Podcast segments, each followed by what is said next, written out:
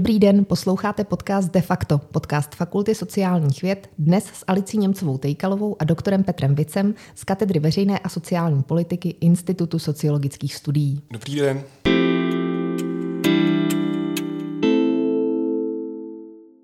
Pane doktore, já jsem si u, ve vašem medailonku u jednoho z popularizačních článků, které jste publikoval na webu uh, London School of Economics, přečetla, že jste dreamer with insomnia. Tak co si mám představit pod tím? Sníte rád, ale nemůžete spát. Ano, to se mi stává bohužel často. No.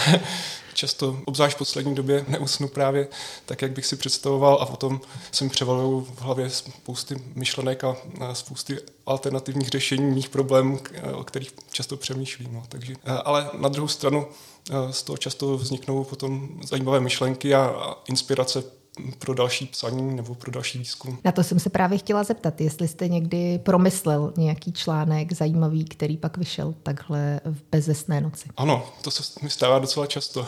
právě, že ty nejlepší nápady mi často napadnou v tom polobdění, řekl bych. A nad ránem, to je, je nejlepší čas, kdy, kdy mi napadají myšlenky, takže na to já se soustředím. Ono přes den to člověk se tolik nestihne, když eh, se věnuje těm rutinním zážitostem ve škole se studenty. I když často právě diskuze se studenty mě inspiruje a ale často si to musím nechat rozložit a, a právě až třeba večer nebo v noci mě to doběhne. Pamatujete si ty věci ráno nebo si hned musíte zapsat, nahrát do telefonu jako hudebníci? Takových myšlenek, co jsem měl a potom se ztratili tím, že jsem si je nezapsal, těch bylo, to je pravda. To je, to je moje velká chyba a, a už jsem se z toho poučil, takže eh, mobil mám většinou při sobě a snažím se teda tu myšlenku nebo nějaký notýsek, tak si snažím tu myšlenku hned zaznamenat. Vy patříte mezi nejmladší generaci výzkumníků na Institutu sociologických studií. Máte za sebou tříletý postdoktorský pobyt v Dánsku na tech, Dánské technické univerzitě. Proč jste se rozhodl pro akademickou sféru? Pro mě to bylo vlastně taková přirozená volba. Já eh, od malička rád píšu a řekl bych, že vlastně ta akademická eh, práce je hodně obsaní, takže tam se hodně přiblížil tomu, eh, co mě vlastně vždycky od jak živa zajímalo a bavilo. A potom mě hrozně zajímá a od, od jak živa jsem rád pozoroval společnost tak trošku jakoby z nadhledu a to mi právě ta práce akademika v oblasti společenských věd umožňuje a za to já jsem hrozně vděčný, že mám to privilegium vlastně uh, zabývat se společenskými ději, tím, jak se vlastně společnost organizuje čelem všem možným výzvám, které nás potkávají a které nás ještě čekají a my o nich třeba ještě nevíme, tak to mě hrozně moc naplňuje a často si připadám tak trošku jako prezident, že můžu se na ty, i když bez toho pozlátka možná, tak eh, že se můžu na ty věci dívat ze zhora, ne z vrchu, to je trošku špatně, že, že, že společenskovědní výzkumník by se neměl na eh, ten předmět toho výzkumu dívat z vrchu, ale to my se právě snažíme v našem týmu Eh, pokud možno eh, žít s tou společností, kterou zkoumáme a cítit se vlastně do toho, jak ti lidi uvažují, nebo jak ti lidé uvažují a jak se chovají a pokud možno jim pomoci s tím řešením těch jejich problémů. Teď jste mi trochu nahrál, protože jedním z těch témat, kterému jste se věnoval, bylo také to, jak je přijímán, a nejen vy, ale i vaši kolegové a kolegyně, jak je přijímán ten kanál, který právě proslavil prezident Zeman, Dunaj Odra Labe nakonec se to dílo ne, nebude realizovat. Mm, k čemu jste došli vy, eh, když jste vlastně zkoumali eh, tohle dílo ze všech možných aspektů? Publikovali jste k tomu i knihu společnou? Tak eh, ten projekt je v mnoha ohledech řekl bych, fascinující. Jinak teda tou svojí velikostí, řekněme, která nemá v českých podmínkách v podstatě obdoby. A jednak mě možná tolik nezajímá uh, ten samotný kanál sám o sobě, jako ten proces, uh, pomocí kterého vlastně on uh, byl nějakým způsobem posouván dál v tom schvalovacím procesu. A ten mi přišel nejenom v tomhle konkrétním příkladě, případě toho kanálu, ale v celé řadě dalších velkých projektů, které se v Česku řeší podobným způsobem velice nešťastný. V čem byl nešťastný? Řekl bych, že tam bylo několik momentů, které byly, řekněme, nešťastné v tom smyslu, že jednak každý takový velký projekt, který se realizuje, tak eh, je úplně běžné třeba v západních zemích, že eh, se hledá dostatečně dopředu eh, konsenzus nad tím, že je teda skutečně potřeba ten projekt realizovat. A to v tomhle případě teda samozřejmě uděláno nebylo. Jednak státu samozřejmě schází, řekl bych, kapacity vůbec nějaké takovéhle projekty analyzovat, dopředu připravovat a je do značné míry odkázán na, eh, řekněme, nějaké externí poskytovatele nějakých analýz a potom s těmi analýzy, analýzami, když už je má zpracované, tak nedokáže následně pracovat. A mě trošku vadí právě to, že neexistuje v podstatě nějaké komunikační prostředí, které by dokázalo srovnávat argumenty, řekněme, podpůrců a, a těch odpůrců toho projektu mm-hmm. na jednom místě přehledně, tak aby si o tom běžný občan eh, mohl udělat eh, přehled. A v tom já vidím třeba eh, prostor pro společenské výzkumníky nebo pro společenskou vědní akademiky, aby do toho vstupovali a pokusili se ty informace nějakým způsobem utřídovat, kategorizovat tak, aby pro běžného občana byly srozumitelné. A myslím si, že je to v podstatě deficit státu, který můžou třeba univerzity tady v tomhle tom, uh, nějakým způsobem kompenzovat. Vy se věnujete projektu podmořského tunelu mezi Dánskem a Německem. Uh, I tam je vlastně různá míra legitimity toho projektu v různých zemích, jak v Německu, uh, tak v Dánsku.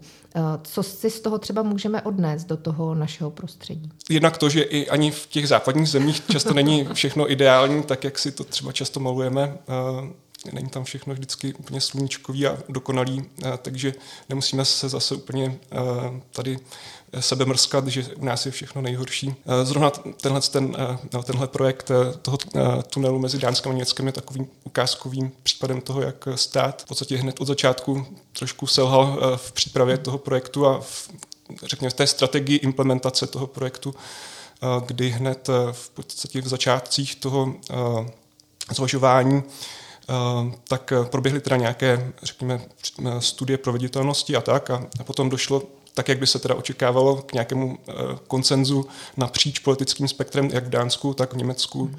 že by teda ten projekt se měl realizovat. Do té doby vlastně všechno bylo tak nějak v pořádku. Podepsali se nějaké smlouvy a zároveň vlastně se udělala potom ta fatální chyba, kdy vlastně Eh, ten, eh, eh, na tom úseku, kde ten tunel bude stát, tak v současnosti vlastně existuje vlastně služba trajektu, který propojuje ty dvě koncové, ty dva přístavy vlastně na dánské a německé straně.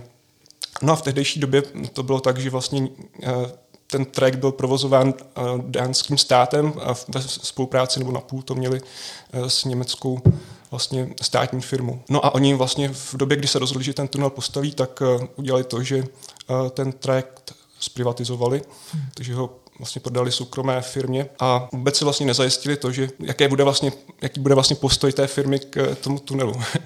A ten byl logicky velice jakoby negativní a, a, a vlastně si tím vytvořili hned od začátku toho největšího nepřítele a, a to se s nimi stáhlo a vlastně byl to ten hlavní důvod, proč se ten projekt na, eh, vlastně v důsledku potom spozdil o 10 let, takže eh, vlastně během těch tahanic, které, těch peripetí, které to provázely, tak eh, došlo k celé řadě jakoby úsměvných i tragických situací a, a bohužel tedy do dneška ve velké části veřejnosti právě na té německé straně obzvlášť převažuje hořkost nad tím výsledkem těch tahanic. Na druhou stranu právě protože se ten projekt spozdil, tak vy teď na něj můžete posílat svoje studenty, aby si něco vyzkoušeli. ano, ano, to je jakoby trošku zase paradox, že my vlastně jako společenští věci tak máme trošku takovou, řekněme, zvrácenou radost z, ně, z některých věcí, které vlastně nefungují protože pro nás jsou potom zajímavější pro studium a díky tomu, jak jste řekla, tak my vlastně Eh, můžeme dnes tam posílat naše studenty, jak, aby se naučili právě, jak se takové velké projekty řeší a co všechno vlastně za eventuality tam můžou nastat. A to je, to je velká škola právě. A já právě věřím v to, že studenti by měli se pokud možno dostat do kontaktu s takovými praktickými problémy, Eh, během už vlastně svého studia. Z toho, co jsem si měla možnost od vás přečíst, tak mi připadá, že vaším velkým tématem eh, je vlastně legitimita a také dilemata, která vlastně vyplývají z různých velkých projektů. Mm, ten článek, který, u kterého byl ten eh, profil, ze kterého jsem citovala, že máte problémy s nespavostí, tak se věnoval právě covidu a toho, co se společnost vlastně mohla naučit od té pandemie a vlastně jak ta pandemie dokázala ospravedlnit celou řadu velmi drastických zákazů a zásahů opatření. Co jsme se mohli naučit, kdybyste to měl schrnout i pro naše publikum? Tak naučili jsme se vlastně to, že z hlediska teda legitimity, tak řekněme to, že legitimita vyplývá z různých zdrojů, řekněme. A jedním z těch zdrojů je právě, řekněme, důvěra. Důvěra vlastně ve stát, řekněme, v tom našem případě byla, tvrdím vlastně i, i dnes, že ta důvěra ve stát je poměrně nízká a je to jeden, eh, možná jedna z příčin toho, že některá ta opatření, které stát potom, řekněme, realizoval v boji s tou pandemí, tak eh, nebyla přijímána tak, jak by si stát eh, představoval. Vlastně tím druhým zdrojem legitimity, když si teda odmyslíme tu důvěru, která vlastně vyplývá z nějakých nějaký předchozí dobrý zkušenosti, pozitivní zkušenosti lidí s tím státem a s jeho schopností řídit věci, tak Eh, je vlastně moralita, řekněme, nebo v podstatě způsob navrhování těch eh, opatření tím, že jsou teda nějakým způsobem dobře vyargumentované, dobře eh, obhájené. A to v tomhle případě samozřejmě v, v rámci krize, nejde, která vlastně svým způsobem bezprecedentní, tak není často úplně jednoduché. Ale znovu se ukázalo, že nám v podstatě schází některé mechanismy, které by, řekněme, dokázaly i s krizemi takového eh, bezprecedentního charakteru eh, pracovat a vyrovnat se s tím. Takže to je další asi poučení. No a potom eh, myslím si, že vlastně třetím zdrojem té legitimity tak je, řekněme, většina ve společnosti, nebo to, kdo vlastně nakonec ty opatření podporuje. A tam si myslím, že jsme se poučili, jak vlastně tou absencí nějakého toho komunikačního mechanismu, kdyby stát dokázal ty eh, témata nějakým způsobem obhajovat eh, a dávat argumenty pro a proti srozumitelně pro veřejnost eh, k dispozici, tak dochází k tomu, že ta společnost se extrémně snadno manipuluje do nějakých pozic, které, řekněme, slouží některým skupinám obyvatel některým zájmovým skupinám a bohužel to není potom ve veřejném zájmu. Po covidu přišla energetická krize, taky válka na Ukrajině. Eh, dá se říct, že některé z těch eh, pozitivních aspektů, které by se tedy eh, stát měl naučit, se propsaly do té komunikace vládní kolem těch energetických opatření a kolem války na Ukrajině? Já si myslím, že v současnosti mám ale velký problém vlastně s tím, jakým způsobem vlastně se dokáže společnost nějakým způsobem aktivizovat a mobilizovat pro věci, které ale řekněme nejsou úplně ty klíčové nebo zásadní. Často se nám stává typicky třeba příklad těch prezidentských prezidentských voleb. Já říkám, že je skvělé, že se lidi dokážou jakoby natchnout eh, aspoň eh, jednou prostě za pár let pro nějakou věc, která, řekněme, zavání nějakým státním zájmem, ale potom se už nedaří nějak, nějakým způsobem propsat eh, tohleto nadšení a zápal vlastně té občanské společnosti pro věc do těch záležitostí, na kterých skutečně záleží. Tím nechci schazovat jakoby úplně tu prezidentskou volbu, ale říkám si jakoby ve srovnání s těmi problémy společenskými, kterým čelíme jakoby ve všech možných sférách, tak ta prezidentská volba je v podstatě marginální. A je teda fajn, že lidi třeba radši než třeba na Survivora nebo na nějaký jako Love Island se dívají na prezidentskou debatu, kde se aspoň trošku něco dozví jako o fungování státu, ale Eh, nějakým způsobem eh, potom se to nedaří eh, propsat do těch dalších věcí, které jsou důležité. Já třeba teď jsem dával příklad toho, že prostě lidem na těchto věcech, třeba řekněme prezidentská volba nebo řekněme nějaký vypjatý fotbalový zápas, záleží často mnohem více než na jejich vlastním majetku. Často jsme právě svědky a třeba to bylo vidět i hezky v tom filmu Vlastníci, mm-hmm Eh, že lidé prostě eh, v některých situacích, které se týkají třeba jejich vlastního domu eh, v rámci nějakého společenství, nejsou schopni vůbec pobírat některé věci a strategie toho vlastně, jak s tím domem nakládat a nechají to, přenechají to v podstatě nějakému správci, který pokud mají štěstí, tak je, řekněme, nějaký čestný. Ale často se stává, že ten správce nebo ty firmy, které potom na, různě na to společenství ze všech stran útočí s nějakými nabídkami, tak vlastně eh, vedou eh, k nějakému, řekněme, vytunelování nebo eh, neprospěchu určitě tomu, toho společenství. Takže já s tímhle trošku mám problém a snažíme se právě s našimi studenty o to, aby lidé začali uvažovat a nesoustředili se třeba jenom na ty věci, které jsou jednoduché, jako prezidentská volba, v podstatě tam nad tím nemůžeme, nemusíme nějak zvlášť jako uvažovat. Podíváme se na nějaké ty debaty a, a, a řekneme si, kdo je nám sympatický. Je to v podstatě hodně jako laciná záležitost z naší strany.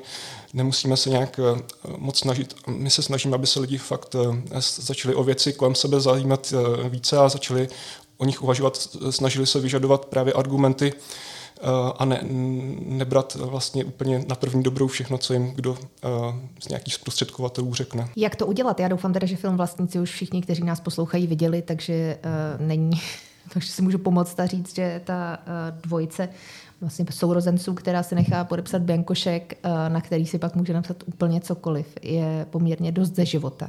Ale jak ukázat lidem, že by eh, měli přemýšlet nad eh, svým životem, nad tím, eh, jak moc si třeba půjčují, jak pracují vlastně se svým kapitálem. Tak jak, jak toho chcete dosáhnout se studenty? Co pro to děláte nebo co se snažíte? Tak my jsme vlastně se studenty nebo s kolegy v podstatě je to naše nová iniciativa, takže možná to můžu tady tak nějak aspoň částečně představit. Je to vlastně legitimizační laboratoř, kde se snažíme soustředit se teda předně na nějaká velká témata, ale jsme otevřeni i tomu, pokud nás některý, někteří z těch aktivních občanů, kteří mají třeba problém s tím, že je nějaké společenství kolem nich nevnímá a uh, přitom mají pocit, že to společenství uh, se neorientuje nebo nejde úplně tou správnou cestou, mm. tak se na nás obracet a uh, my se pokusíme nějakým způsobem podpořit to, aby uh, se ta debata, která se o nějakém problému vede, mm-hmm.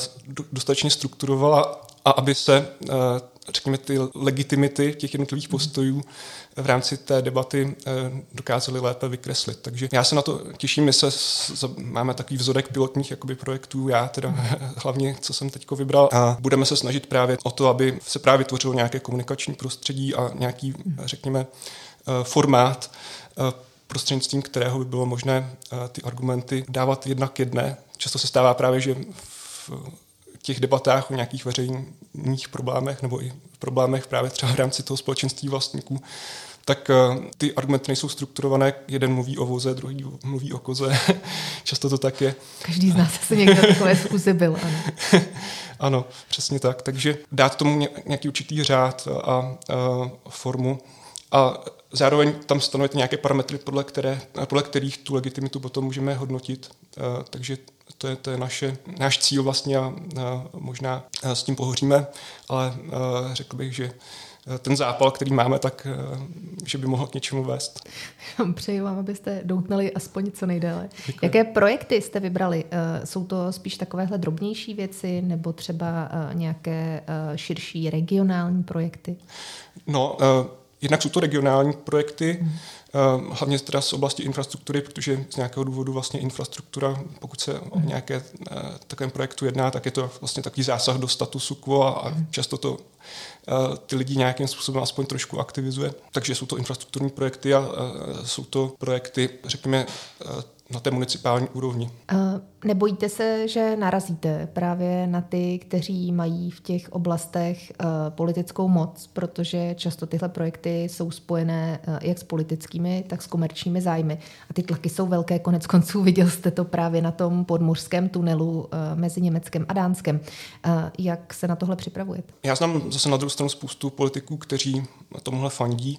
Oni sami třeba uznávají, že na řadu, na celou řadu věcí nejsou uh, uh, experty. A to je takový další problém, na který narážíme, mm-hmm. že, mhm. že prostě uh, politici, kteří mají uh, na starosti různé agendy, tak tím agendám vůbec nerozumí. A na jednu stranu je to uh, smutný, na druhou stranu je to prostor právě pro nás uh, do těch agent možná proniknout a pokusit se uh, ty věci zachraňovat. Takže často pokud nabídneme nějakou, řekněme, pozitivní vizi, jak často politikovi nejvíc záleží na řekněme, tom jeho renomé nebo na tom samozřejmě znovu zvolení potenciálním, tak pokud mu ukážeme, že nějaká změna, kterou my jsme schopni přivést, no, přinést, tak by mohla prospět v tom, že to jeho volební období bude hodnoceno jako úspěšné nebo úspěšnější, tak ho může namotivovat k tomu, že nám dá svoji podporu. A sám třeba potom v tom nemusí se angažovat, což jim vyhovuje, protože se může soustředit třeba na focení se někde u nějakých... stříhání pásek. Ano, stříhání pásek. To možná i u té silnice, která bude dobře vykomunikovaná, tak dokáže přestříhat Ano, pásek. přesně tak. Já to samozřejmě nechci zlehčovat, protože tohle je nesmírně důležitá, užitečná práce. Zároveň se už pohybujeme v oblasti spíše aplikovaného výzkumu než toho primárního. Proč je aplikovaný výzkum pro vás důležitý? Jsem pevně přesvědčen, že společenské vědy a vůbec univerzity jsou jako obrovskou studnicí znalostí a vědění, eh, která není dostatečně vytěžená. A jsem přesvědčen o tom, že univerzity samy by měly eh, se co nejvíc snažit angažovat a prosadit se, být takovým tím aktivním hráčem, eh, různě ty svoje poznatky z výzkumu se snažit prosadit. A zároveň bych ocenil, kdyby právě z té druhé strany byla ta větší recepce, větší poptávka potom a, a snažíme se tedy už nějakou dobu eh, tady na fakultě eh, a vůbec myslím si, že v tom systému aplikovaného výzkumu v Česku obecně prosadit právě to potkávání se té nabídky z poptávků. Eh, často doposavat to bylo tak, že ten společenskovědní výzkum byl v podstatě degradován, řekl bych, do role mhm. nějakého poskytovatele, řekněme, nějakých certifikovaných metodik nebo nějakých map a tak, ale to je podle mě velká škoda, protože ještě jsem ne, nezažil v podstatě, že by nějaká metodika přispěla k, k řešení nějakého společenského problému. A e, jde o to právě e, pokusit se nastavit ty parametry tak, abychom sledovali to, jak ten konkrétní společenský výzkum v té aplikované sféře dokáže věci ve společnosti, ty společenské problémy řešit a jaký má vlastně dosah a, a jak, kolik lidí dokáže třeba pozitivně ovlivnit a uh, nějakým způsobem změnit nebo řekněme korigovat uh, jejich chování uh, ve veřejném zájmu. Děkuji vám, přeju vám hodně štěstí ve vašem úsilí, vám i vašim studentkám a studentům a přeju vám, ať se vám mimořádně daří uh, i nadále v akademické sféře a doufám, uh, že budeme tady třeba za rok, za dva uh, spolu povídat o tom, jak se laboratoř rozjela a jak je velká. Díky a nashledanou. Moc děkuji, nashledanou.